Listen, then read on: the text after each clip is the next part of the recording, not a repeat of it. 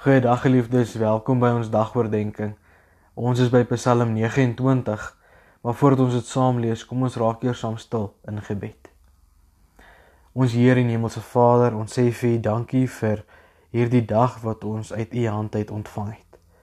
Here, dankie vir U liefde en die genade wat U elke dag aan ons bewys. Dankie ook dat ons nou met verwagting rondom U woord kan sit en mag uitsien om U stem ook daaruit te hoor en te leer ken.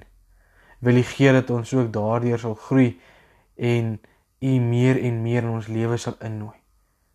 Here kom lei ons, kom bewaar ons en kom seën ons as ons so saam met mekaar rondom U woord ook stil word. Ons bid en vra dat in afhanklikheid in U naam alleen. Amen. Geliefdes, ek lees vir ons Psalm 29 saam. Die opskrif van die Psalm Die stem van die Here is magtig. 'n Psalm van Dawid. Prys die Here, julle hemelinge.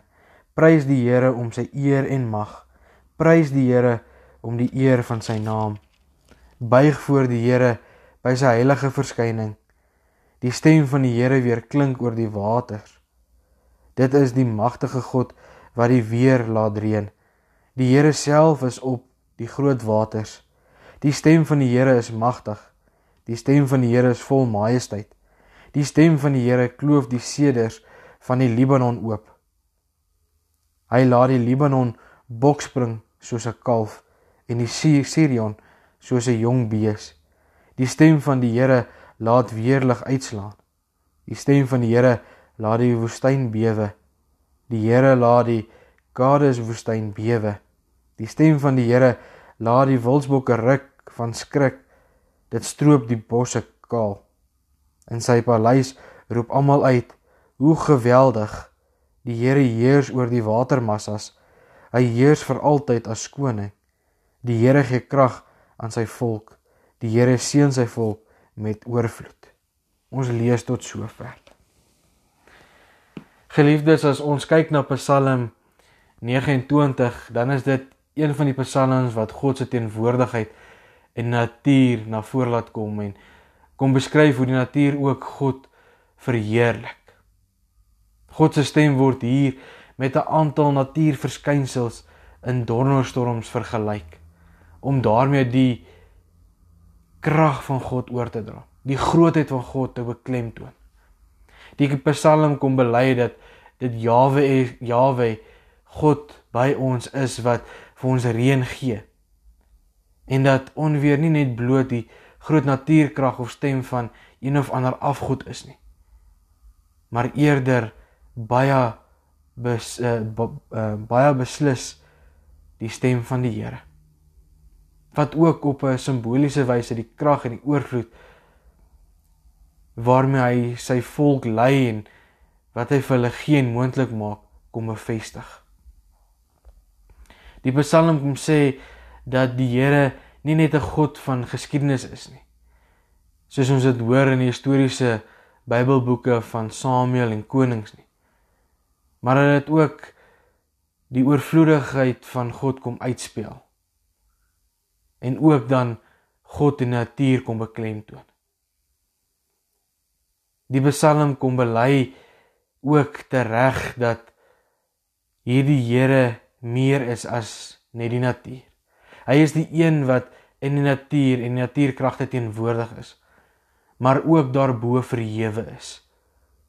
Soos ook waar daar die opdrag aan die begin van ons psalm gegee word, die seuns van God wat opgeroep is om ook hierdie lof saam met God te bejuig en te betuig. Die seuns van God wat dan die hemelinge is. As ons dan kyk, dan kan dit letterlik verstaal word as die seuns van God. God is ook nie net in beheer van die natuurkragte nie, maar sorg vir die gelowiges. As ons sien in vers 11 hier aan die einde van ons Psalm, dan sien ons dat God sorg vir die gelowiges.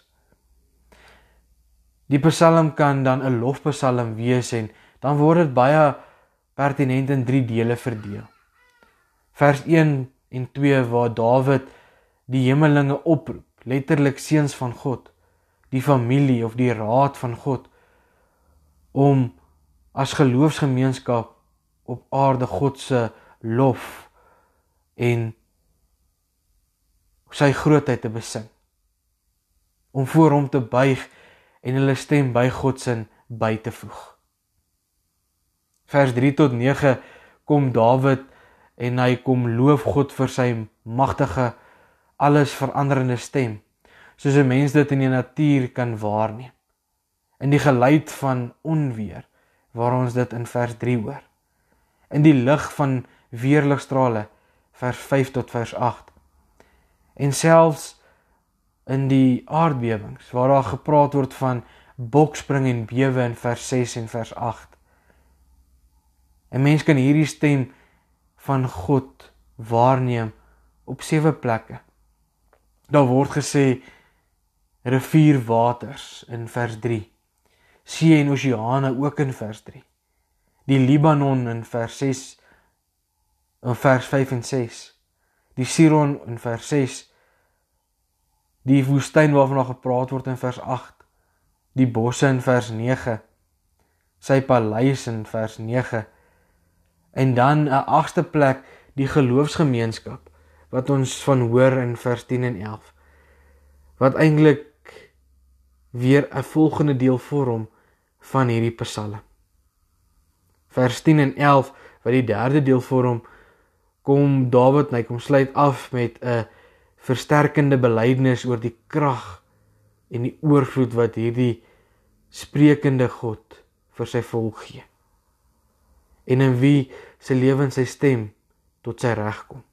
Die krag van die Here is nie net 'n wapen wat vernietig en kom platslaan nie, maar dit is ook 'n stem wat kom verstom. Dit seën en dit versorg ook sy volk. En daarom geliefdes, as ons net dink oor die grootheid van God, die majesteit van God, die stem van God, dan besef ons net weer opnuut hoe groot en kragtig die Here is. En moet ons vir onsself sê dat as ons onsself ehm um, erken as gelowiges, as iemand wat saam met die Here die pad stap, dan behoort ons ook sy stem te hoor. En moet ons nie wees soos die wat nie gelowig is en doof is vir die stem van God nie. Ons ore moet ingestel word. Ons gesindheid moet ingestel wees op dit wat God aan ons kom sê deur sy woord, deur ander medegelowiges, deur ons omstandighede. En dan moet ons ook die regte goed doen. God laat hoor sy stem deur die natuur, deur sy woord, deur die harde geklank van sy stem, maar ook in die fluisterende windstilte. Soos ons dit ook hoor in 1 Konings 19 vers 12. God se stem is reg deur die woord bekend aan ons en ons hoor hoe kragtig hy met sy stem optree. En dan is my gebed vir elkeen van ons dat hierdie stem ook vir elkeen van ons 'n waarheid en 'n realiteit sal wees in ons lewe. Dat ons ook sal weet God van die natuur kom sorg vir elkeen van ons, want ons is sy kinders. Ons is gelowiges wat saam met hom die pad stap. En mag ons werklik hierdie stem in elkeen van ons se lewe kragtig hoor, dit beleef en gehoorsaam daarop reageer. Amen. Kom ons bid saam.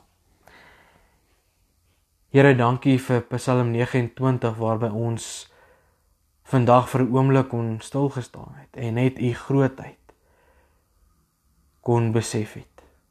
Here, daar waar u spreek en dit gebeur. Ons dink maar net aan die begin van u woord met die skepingsverhaal waar u gespreek het wat moet gebeur en dit gebeur en dit was goed. Here en later ook in die Nuwe Testament waar u die storm stil deur net die woord te spreek. Here gee dat ons ook hierdie mag en krag van U in die stem sal erken in ons eie lewe. Here, kom praat U ook met ons deur die woord, deur medegelowiges, deur ons omstandighede. Dat ons ingestel sal wees op dit wat U vir ons wil openbaar, wil kommunikeer, wil sê, Here. En dat ons ook daarvoor gaan sal gaan handel.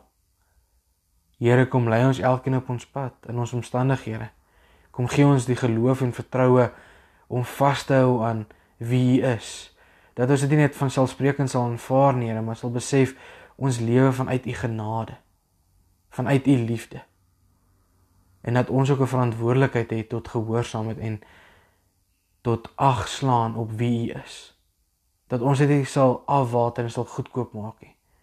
En mense net sal sê ons kan aangaan nie want ja Here, U het vir ons sonde ons skuld gesterf nie. Maar dat ons sal weet dit het U 'n duur prys gekos en dat ons juis vanuit daai duur prys sal lewe veranderd as gelowiges wat in 'n lewende verhouding met U staan.